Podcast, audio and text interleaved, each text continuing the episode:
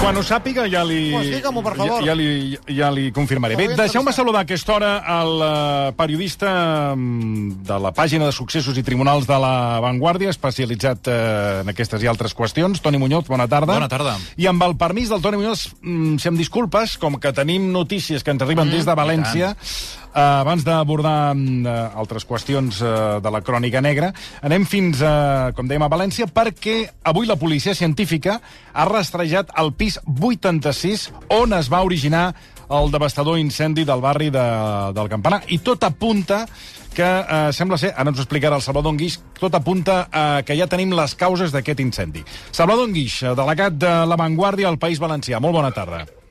Hola, bona tarda. Gràcies per acompanyar-nos. A veure, eh, a hores d'ara, quines serien les, les conclusions preliminars de l'origen d'aquest incendi que fins ara no se sabia?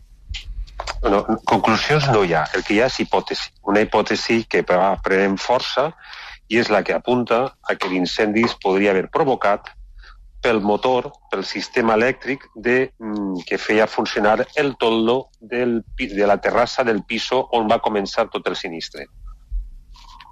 Era un tandal, per tant, elèctric.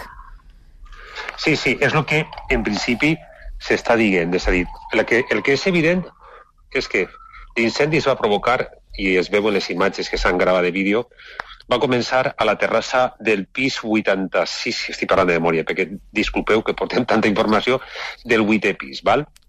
Aleshores, al ser una causa exterior, havia de ser un electrodomèstic o el motor de, eh, o, que el, o que, la, que el toldo tingués un motor. Penseu que en aquell moment no hi havia ningú habitant, o sigui, no estava l'inquilí del pis, no hi era. O sigui, no hi havia intervenció humana. Per tant, la, la hipòtesi és aquesta i sobre la que s'està treballant. Mm. La delegada del govern a la comunitat valenciana, Pilar Bernabé, diu que la inspecció de l'edifici ja ha acabat. lo que es la investigación, lo que es el reconocimiento del edificio palmo a palmo, está hecho, está finalizado y ahora ya quedan cuestiones propias de la investigación y de las necesidades propias de la investigación.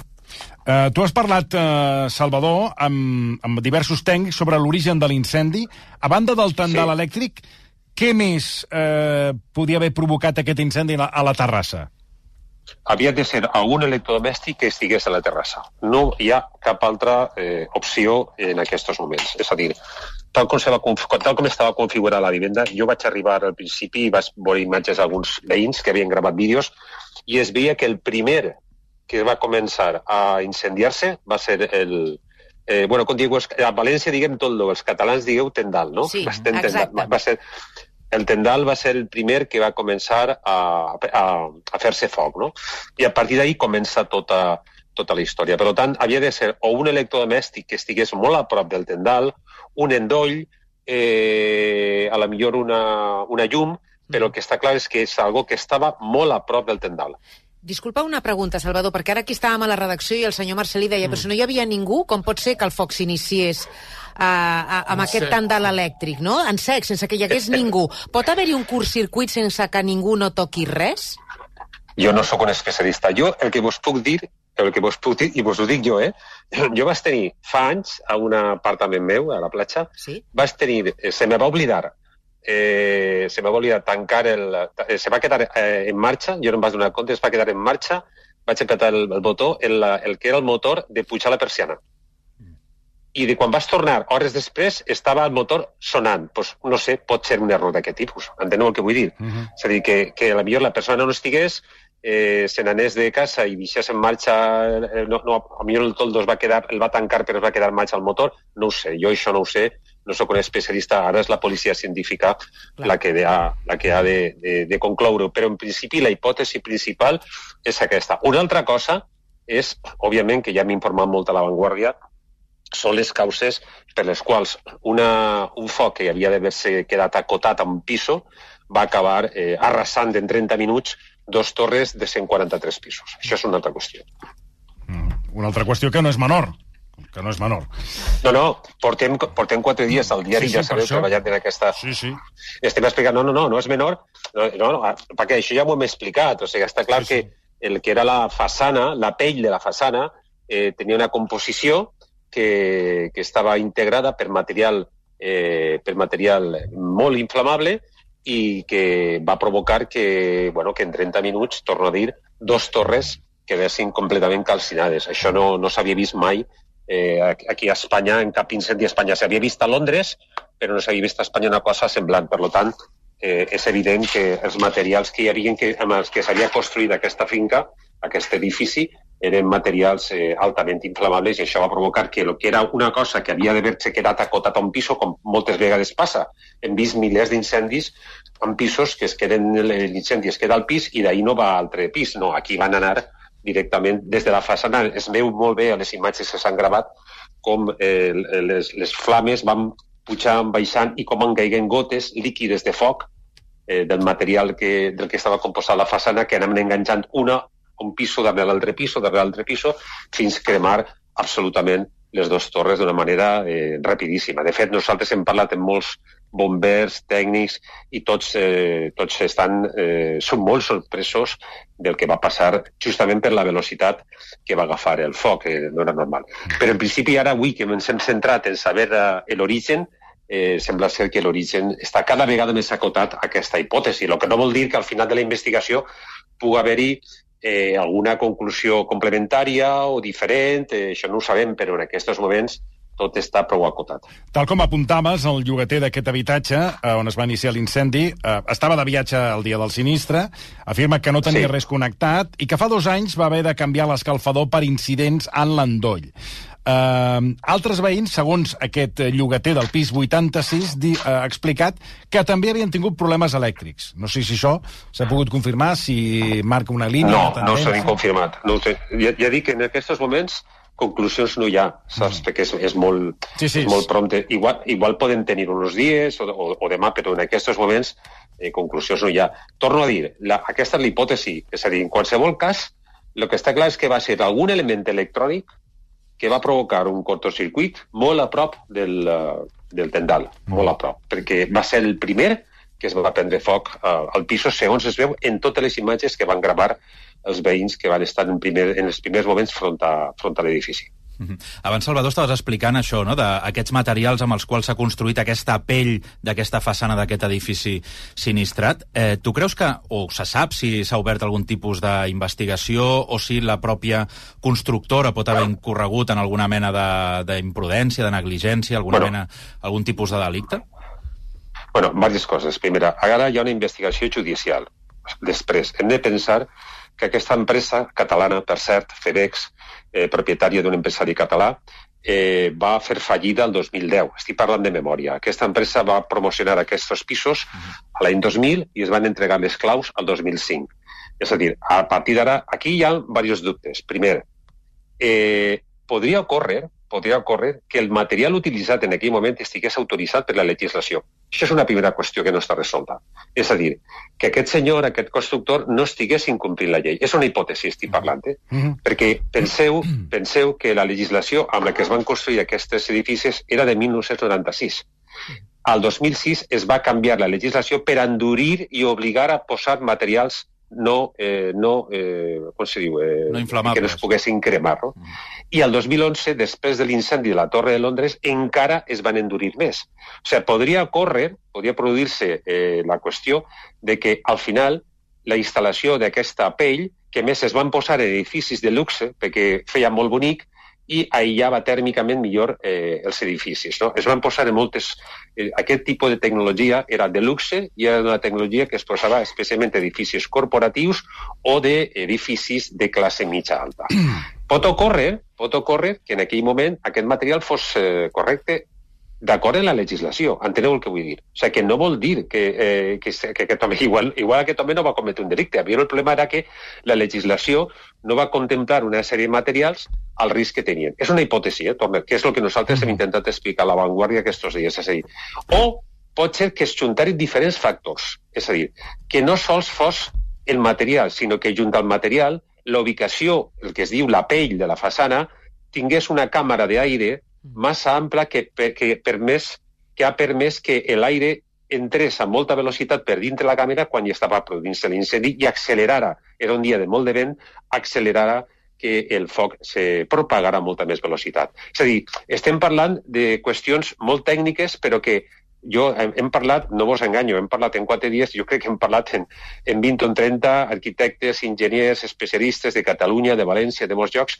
i tots diuen el mateix, és a dir, que no té per què ser un, un sol factor, poden haver diversos factors mm -hmm. afegits, sense oblidar, sense oblidar un altre, i és que eh, el dia que es va produir l'incendi, a València feia un vent de ponent terrible, terrible, d'entre 70 i 80 km per hora, i això també va ajudar prou a que les flames anessin de el que era la part nord, que es van començar, eh, justament l'incendi comença en un piso que està ubicat a la part nord de l'edifici de les dues torres, i el vent de ponent que va fer va, eh, va feia que les flames anessin cap al sud, amb la qual van anar agafant a poc a poc totes les dues torres, m'enteneu? O sigui que hi ha molts factors que van jugar.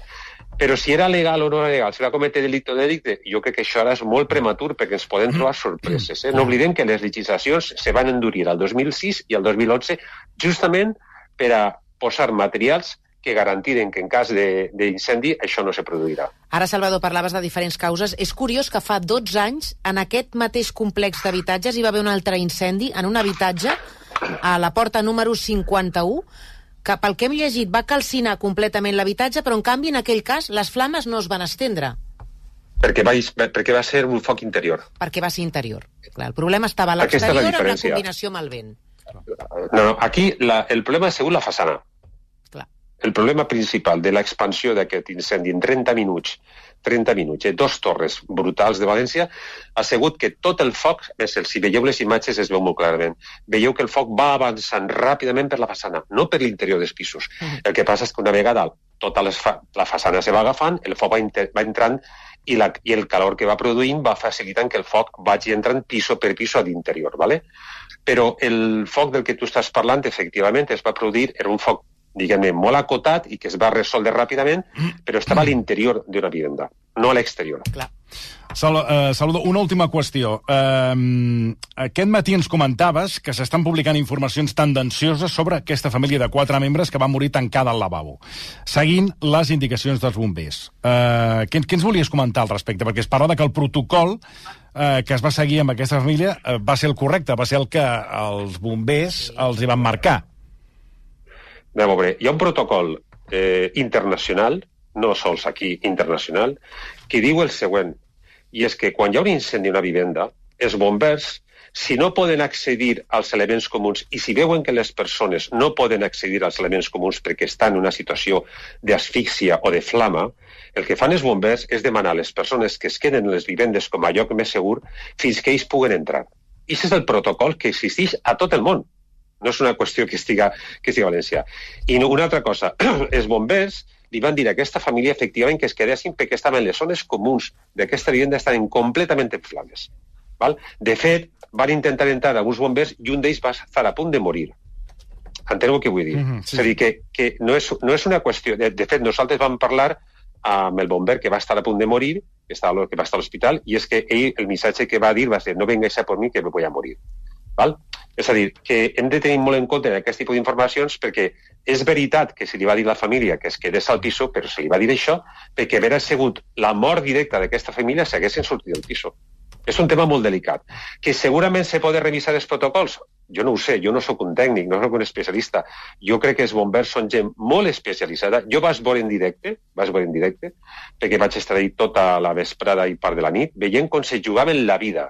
De fet, vaig veure com bombers amb, amb grues van rescatar persones de les terrasses jugant-se la vida. Per tant, a mi em sembla que intentar qüestionar l'actuació dels bombers em sembla, sincerament, eh, molt, uh, molt injust i molt inadequat. Jo crec que el que hem de fer és admirar eh, que aquestes persones eh, bueno, van fer tot el possible per salvar la vida de tots els que es van quedar El que passa és que, òbviament, pensem que un incendi que en 30 minuts tenia ja dos torres de 143 vivendes completament en flama, com si fos una falla, ho dic, ho dic en el sentit, no, no, no, vull, no vull frivolitzar en la paraula, vull dir, perquè entengueu com era, eh, jo crec que, que era, era... De fet, de fet jo, jo vos dic una cosa. Jo quan estava allí, que vaig arribar dels primers, jo no entenc com sols han mort 10 persones. Us ho dic en sèrio. Jo pensava que els morts serien desenes de morts. Uh mhm. -huh. Perquè va ser tan ràpid i era tan bestial que em, em costava creure em costava creure que pogueren haver salvat la vida eh, la majoria dels veïns. I mira, gràcies a, gràcies a molts factors, a, a que la gent va reaccionar bé, a que els bombers van poder rescatar persones, al final tenim 10 morts, és una tragèdia, però podia haver sigut una tragèdia molt més nombrosa. Recordeu que a Londres van morir, que van ser 70 persones. És a dir, podia haver sigut terrible. Penseu que hi vivien 450 persones. Eh? Sí, sí. Per cert que ens estan enviant diversos mails als oients dient-nos que els tendals elèctrics tenen un sistema que fa que quan hi ha molt de vent hi ha una recollida automàtica del tendal. El tendal s'activa sol, no cal que hi hagi ningú al pis, s'activa sol i recull el tendal. Això podria haver originat, és una hipòtesi, però això podria haver originat el curtcircuit que finalment va acabar provocant aquest incendi. Pues no, jo, sincerament, una jo vos dic soles... És una eh, hipòtesi. Jo, Una jo, hipòtesi més. jo eh, comprendreu que en aquests moments No, no, està eh, eh, estan circulant moltes coses. Jo sempre prefereixo en aquests casos anar a allò que tenim d'alguna manera més o menys Sí, sí. contrastada, perquè, és dir, perquè aquí es poden dir. Però jo crec que l'explicació de l'incendi del Tendal, veient les imatges, veient com s'ha produït, no em sembla una hipòtesi eh, impossible. Enteneu què vull dir? Sí, sí. És a dir, perquè hi, ha, hi havia gent que deia pues igual algun veí va llançar una burilla i va caure en el toldo. No, impossible perquè, perquè, perquè eh, l'estructura de les terrasses impedia que un veí de dalt a baix pogués eh, tirar una burilla, un toldo, enteneu? O sigui, s'han dit moltes coses. Jo crec que eh, treballar en aquesta hipòtesi és una hipòtesi raonable, raonable, i després, una vegada estiga conclosa la investigació, ho sabrem. A mi el que, el que me sembla més fort, més que l'origen, que sigui un endoll, o sigui, tal, el que em sembla molt preocupant és que un foc en 30 minuts per una façana pugui acabar cremant eh, dos edificis sencers. Això sí que me sembla realment preocupant i sobre això i sobre això eh, ja tenim constàncies importants, eh, certeses importants que apunten a que eh, va haver una, eh, un sistema de construcció de la pell que òbviament va afavorir que se produís això. Salvador Guix, moltíssimes gràcies, com sempre, per acompanyar-nos. Un plaer. A vosaltres, una abraçada. Bona tarda, delegat de La Vanguardia al País eh, Valencià. Bé, eh, aquí a casa nostra estem, com dèiem, en ple Mobile World Congress i eh, de, de mòbils n'hem parlat a la primera hora del que són robatoris de mòbils, amb sí. el Marvala, que ha sortit al carrer, sí. i el Toni Muñoz avui, entre d'altres coses, ens vol parlar d'aquesta proposta de l'advocacia de penes de presó pels lladres de mòbils. A veure, eh, explica'ns una mica quina és la proposta. Doncs mira, el Col·legi d'Advocats de Barcelona des de fa un temps està treballant en diverses propostes legislatives, és a dir, per presentar-los als grups polítics i que els grups polítics ho puguin elevar al Congrés dels Diputats per intentar combatre el problema de la multireincidència, que torna a ser, un cop s'ha superat ja la pandèmia, un dels grans problemes que té la ciutat de Barcelona. No? Eh, els furs representen el 48% del total de delictes que es cometen. I eh, aquí ja es va fer una reforma a l'agost del 2022 que no està donant la, els efectes mm. i els resultats que pensaven. Si Perquè us- això és a l'oeste, eh? Des de Bueno, eh? aviam, tampoc és que sigui a l'oest, eh? un dia ens van preguntar el per què aquesta reincidència, no, no, és a dir, per què hi havia gent que havia estat detinguda 200, 200 o 300 cops, Sí. I ho van parlar amb Marc Molins, ens va dir que el problema, un dels greus problemes és la infraestructura del, del que és la, el, el, seria La el que és justícia, justícia, sí. eh? eh, que no estan interconnectats, per tant, no hi ha cap connexió ni saben els furs que ha fet aquella persona, ni hi ha cap arxiu de tot. Això és el que ens va explicar Marc Molins. Sí, sí. I ens va dir, el problema d'aquesta llei és que no es pot aplicar, Exacte. perquè no hi ha les, les, les, eh, les eines per tirar-la endavant. Sí, jo us explico més o menys quin és el problema. És a dir, és exactament això que deia el Marc Molins, és, és això, és a dir, és un problema de configuració de l'administració de justícia, és a dir, que no està preparada per el que li demana la llei. Recordem, a l'any 2015 va haver-hi una sentència del Tribunal Suprem que va acabar amb el que era la multireincidència. Considerava que si tu podies fer tants furs com volguessis, que tot això no s'anava acumulant, perquè fins ara doncs, eh, tu feies més d'un furt, o dos, o tres, i aleshores arribava un moment que això es transformava en un delicte una mica més greu, i aleshores podia comportar penes de presó. A l'any 2015 va haver-hi una sentència del Tribunal Suprem que va esborrar tot això, i aleshores va portar una situació que era un carterista podia robar milions de vegades i sempre, simplement el anaven condemnant a una multa, que moltes vegades, com que no l'enxampaven sempre, acabava pagant amb els diners que robava. Mm. Val? Això després va comportar que, clar, n'hi havia tants furs que s'estava saturant el que eren els jutjats, perquè no arribaven a temps, eh, hi havia més demanda que oferta. Aleshores, no podies assumir un, eh, jutjat tants furs com es cometien, fins al punt que va arribar un moment que els furs, si no es jutgen quan ha passat un any, prescriuen. Per tant, s'estava generant, es va estar a punt de generar una situació d'impunitat.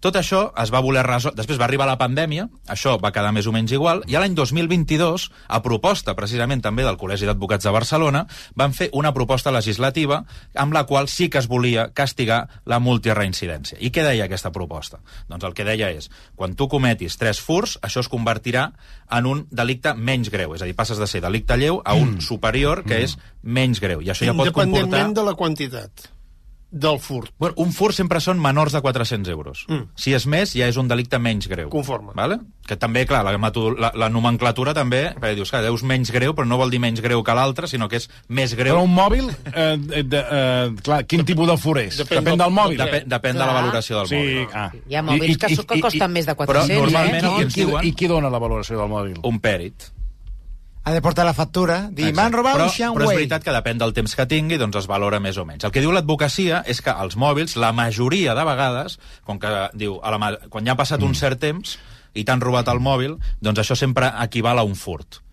Què passa? Doncs que la majoria de furts que es cometen a la ciutat de Barcelona és per robatori de mòbils. Ara ja no roben carteres, perquè la gent no porta efectiu, porta targetes, però el que roba sobretot són mòbils. Diu, doncs, per tant, en comptes d'intentar combatre la multireincidència a partir de l'acumulació de delictes, el que podem fer és posar l'objecte en el centre. I que, per tant, un mòbil, el robatori d'un mòbil perquè aquí tens la teva in, eh, intimitat, tens les, teves, sí, sí, les tot. teves dades... La teva vida no està en un mòbil. No és un simple objecte, mm. doncs això passi a ser directament ja un delicte menys greu. Això doncs és una de les propostes que presentaran el pròxim dia 5 de març i a la qual doncs, eh, bueno, presentaran a la resta també de partits polítics. Però també hi ha una altra proposta per acabar precisament amb, amb aquesta reforma que ells van impulsar l'agost del 2022, que és el que dèiem. Hi ha una acumulació i a partir del tercer delicte pot ser un delicte menys greu. Però quin és el problema? I aquí és on entrava el Marc Molins a explicar-ho, que és, van posar una esmena, el PSOE i el PNB, que el que deia és el tercer delicte passa a ser menys greu sempre i quan la suma de tots els objectes robats, els tres anteriors, no superi els 400 euros. Val? I aleshores, això què implica? Que tu has de mirar quins són els delictes anteriors, quin, és, quin és el valor que tenia l'objecte que va robar. Has de fer la suma. Exacte. Però és que aquesta dada no apareix. És a dir, tu agafes una persona mm. i van a revisar el full d'antecedents penals. I allà pot posar condemnat per un furt, condemnat per un furt, però no et posa els diners que ha costat l'objecte que han robat. I, I per què no ho posa? Bueno, perquè no s'ha posat mai, no ho havien posat mai. I això què implica? Doncs que per, una, per un judici, que aquests judicis, eh, si algun dia teniu ocasió, doncs podeu anar, es fan sense... ni es presenta, eh, el carterista, diguéssim, no es presenta, i ho fan en una sala on van parlar el jutge i el fiscal de viva veu, i no apareix ningú, vull dir, no estan jutjant a ningú. Com a molt apareix un policia, declara i ja està. I aquests judicis duren 3-4 minuts. Doncs imagineu-vos, normalment se'ls condemna, no? Però, és a dir, no ha vingut... Però si se'ls condemna no han d'estar allà? Mm. No, perquè no. són delictes inferiors. No, perquè estan treballant en aquella... No, i, i, i perquè se'ls demana... Estan fent un furt, no, no, no, no poden perdre el temps. No, i perquè se'ls demana una pena inferior als dos anys de presó, ja. i aleshores no tenen l'obligació d'anar-hi. Però clar, què passa? Que han de buscar en els antecedents els quan valia l'objecte robat i clar, això no ho troben. Què implica? Doncs que han d'anar al jutjat corresponent, demanar-li la sentència, que la sentència els hi envien, i veure si l'objecte que van robar apareix al valor. Molt aleshores, clar, d'aquí... Molt difícil és aplicar. molt complicat. Home, clar. clar, què diuen? Que ara comença a aplicar-se després de dos anys. Per què? Doncs perquè ara sí que apunten quan valia l'objecte. I aleshores diu, ara comença a ser una mica eficaç. Però davant d'aquest eh, batibull, què diu el Col·legi d'Advocats de Barcelona? Eliminem aquest requisit de saber quan costava i donem la potestat al jutge de si veu que realment doncs, el fur que acaba de fer és de 20 euros, doncs no aplicar-li aquest agreujant, diguéssim, de reincidència i, per tant, que li pot comportar una pena de presó. Aquestes, diguéssim, són les dues propostes, no? una el canvi aquest de la reincidència i l'altra el de els robatoris de mòbils i convertir-los en canviarà, un delicte més greu del que és ara. Ho canviaran o no, això, al final? Ja veurem. Normalment sempre tenen bastanta bona acollida aquestes propostes. L'última de la reincidència, com dèiem, Eh, al final no va ser exactament perquè va haver-hi aquesta esmena del PSOE i del PNB doncs, que ho va canviar, que és veritat que tenia un cert sentit, perquè és veritat que no és el mateix robar tres mòbils o robar tres carteres que robar tres barres de pa. No? Perquè, clar, si tu robes tres barres de pa i et foten una, una pena de presó, doncs potser sí que és injust, però si tu robes tres mòbils, doncs potser ja no ho és tant, no? Eh, vull dir que el debat és una mica aquest. Veurem a veure quina és l'acollida que té, si algun eh, partit polític se la fa seva, i, i en fi, veurem a veure quina, si fructifica o no. Bé, anem, a- canviem de tema i parlem ara de la mort de- d'un boxejador que alguns recordareu, sí. eh, que és el Xavi Moya, eh, qui per cert havíem entrevistat aquí al programa, eh, que en un accident de moto, l'octubre de l'any passat, doncs va perdre la vida. Aquest cas ha fet un gir inesperat perquè el jutge que porta aquesta causa, un accident que ara explicarem com es va produir, ha citat a declarar com a imputat el responsable de l'Ajuntament de Barcelona encarregat de la conservació i el manteniment de la via on l'esportista va morir. Abans d'entrar en matèria, si et sembla, eh, Toni, recordem una mica com es produeix la mort del, del, del Xavi Moya. Doncs mira, el Xavi Moya circulava pel carrer Aragó el dia 7 d'octubre amb la seva moto, era de nit, eh, era fosc, però bueno, diguéssim, anava per una de les artèries principals de la ciutat de Barcelona, que és el carrer Aragó. I a l'altura del carrer Sicília té un accident, xoca, eh, bueno, cau i perd la vida. Tenia 55 anys, havia estat campió del món Sí, sí, sí. de múltiples modalitats, era un dels grans del... Cau o, o xoca? ell cau, ell cau, però xoca perquè hi ha un impediment, hi ha un obstacle enmig de la, de la, De la via. calçada, que és un element de cautxú. Sabeu com els que separen els carrils Sí. bici? Doncs sembla ser que aquella part del carril bici, el carrer Aragó van muntar un carril bici ara fa uns quants anys, no fa gaires, doncs en aquella part la- l'havien deshabilitat, l'havien tret, però algú va oblidar de treure's un Ostres. un obstacle d'aquests de cautxú. I és amb això amb el que impacta Xavi Moya, que no era visible, que no estava senyalitzat, xoca, cau i acaba perdent la vida. No?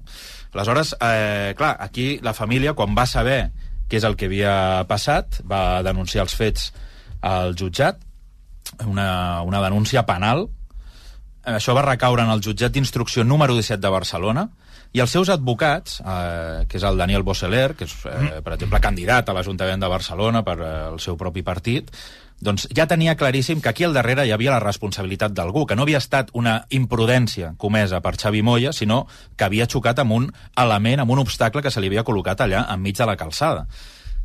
I, efectivament, van demanar, eh, el jutjat va demanar un informe a la Guàrdia Urbana i la Guàrdia Urbana va concloure, efectivament, això, doncs que Xavi Moya va xocar contra un obstacle Que s'havien descuidat. que, sí, sí, diu, de fet, la causa probable de l'accident és per la col·lisió de la motocicleta contra un element de cautxú de la via sense poder determinar el motiu per qual xoca.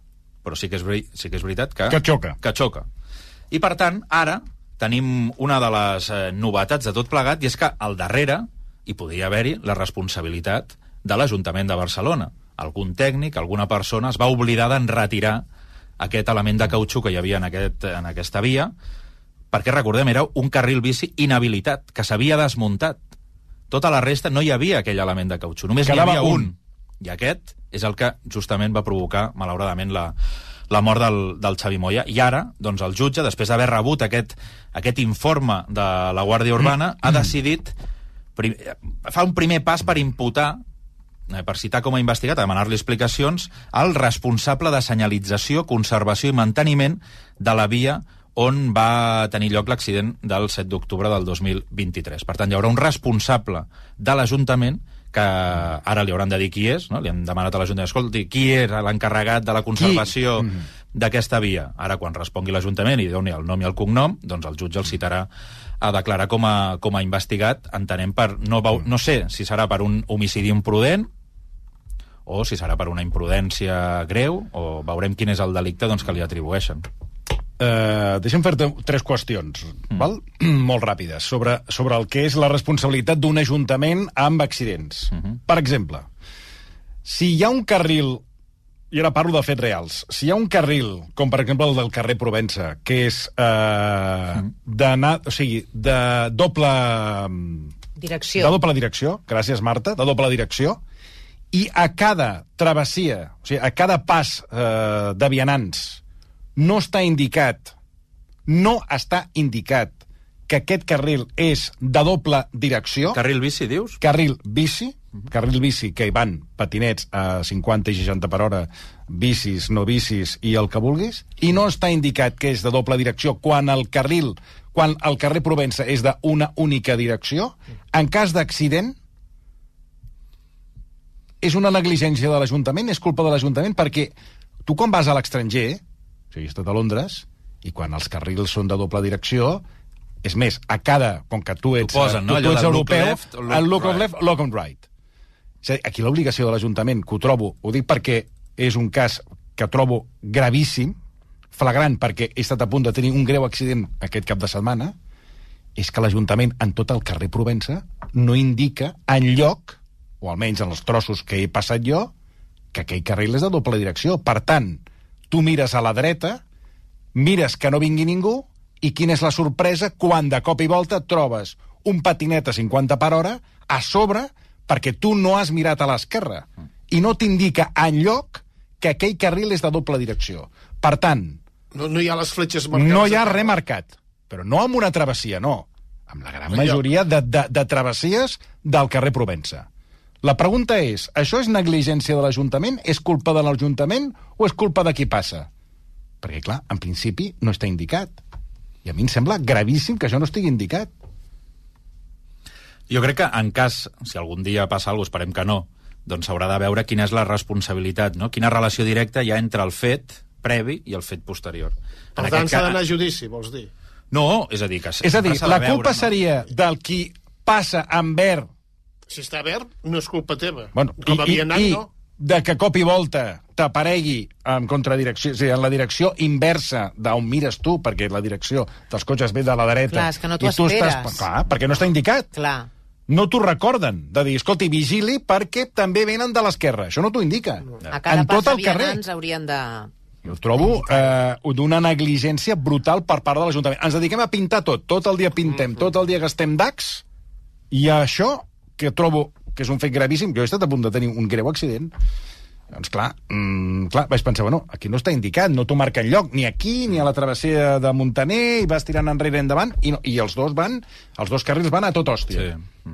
Bueno, doncs, eh, per això t'ho preguntava, clar. Mm, Però sí, sí quina estava- responsabilitat té l'Ajuntament? Ah, tota. O no, no ho sé. Home, i, i, i la persona que du el Perquè vehicle... no està senyalitzat, no està assenyalat. I la persona que du el vehicle també, perquè Sí. si, està, si està, té el semàfor vermell ha de, Sí, ha de però millorar. sempre estem en aquelles, com que a molts, eh, sobretot patinadors, travessen ja quan el semàfor està, si no àmbar, vermell, i aprofiten a tot hòstia, Clar, el que passa és que ja s'han passat el semàfor, passen a, a tota castanya Arran, al sí. carrer, no, no, al carrer, per exemple, pot ser el carrer Casanova, apurant, però clar, després han de frenar, perquè tu estàs passant. Però tu no t'esperes que vingui el, el patinet de l'esquerra, no. perquè no està senyalitzat enlloc. Clar. Clar, es pensava, bueno, aquí també l'Ajuntament, per això t'ho preguntava, eh, també té una important responsabilitat, crec jo, important, re- com per exemple la de- la la d'aquest cautxú, que, És que el cautxú... malauradament- Mira, ara ens escriu un oient, el Marc Pasqual, i ens diu, bona tarda, equip, aquests separadors de bicicleta són molt perillosos. Jo vaig fer una petita imprudència que em va sortir prou bé. Vaig creuar a peu corrents pel mig de la via Laietana perquè els cotxes tenien el semàfor en vermell, però ell corria abans que es posés verd pels cotxes. Vaig ensopegar amb un separador de cautxú i vaig sortir volant resultant genolls i mans sagnant i pantalons estripats. Si no m'aixeco ràpid, m'haguessin pogut atropellar. Atropellar. Jo tinc una amiga que es va trencar també el braç caient amb un d'aquests Jo també vaig caure. Jo també vaig caure. És que realment no... Jo també vaig caure creuant el cautxú. Jo haver-hi un que no el vaig veure i me'l vaig menjar Et amb pots patates. fer molt mal, eh? Sí, sí. Bueno, la meva amiga es va fer molt mal. I aquest oient també. Bueno. T'ho pregunto perquè... perquè hi, Bueno, ja hi, he dic, jo pensat, crec que- hi he jo- pensat bastant aquest cap de Jo setmana. crec que sobretot s'ha de veure si és una responsabilitat directa no? en el fet, és a dir, al final també... Bueno, no està- L'Ajuntament no ho indica, eh? No t'indica que és una doble direcció, eh? Ah, jo crec que Mira, ara ens recorden que la Muriel Casals Va ser sí, això. exacte. va, ser això. morir per les ferides que li va provocar el ser atropellada en un carril bici de doble direcció. Clar, era el Doncs el carrer- mateix, em va passar el mateix. el Per tant, Urgell. vol dir que el des carrer Urgell, el mateix. Doncs vol dir, en el meu cas, és el, el carrer Provença a Casanova. Vol dir que, des de que va morir Muriel Casals, No s'ha fet a res. ningú de l'Ajuntament se li ha passat pel cap, tot i que estem amb altres qüestions molt més importants, Mm.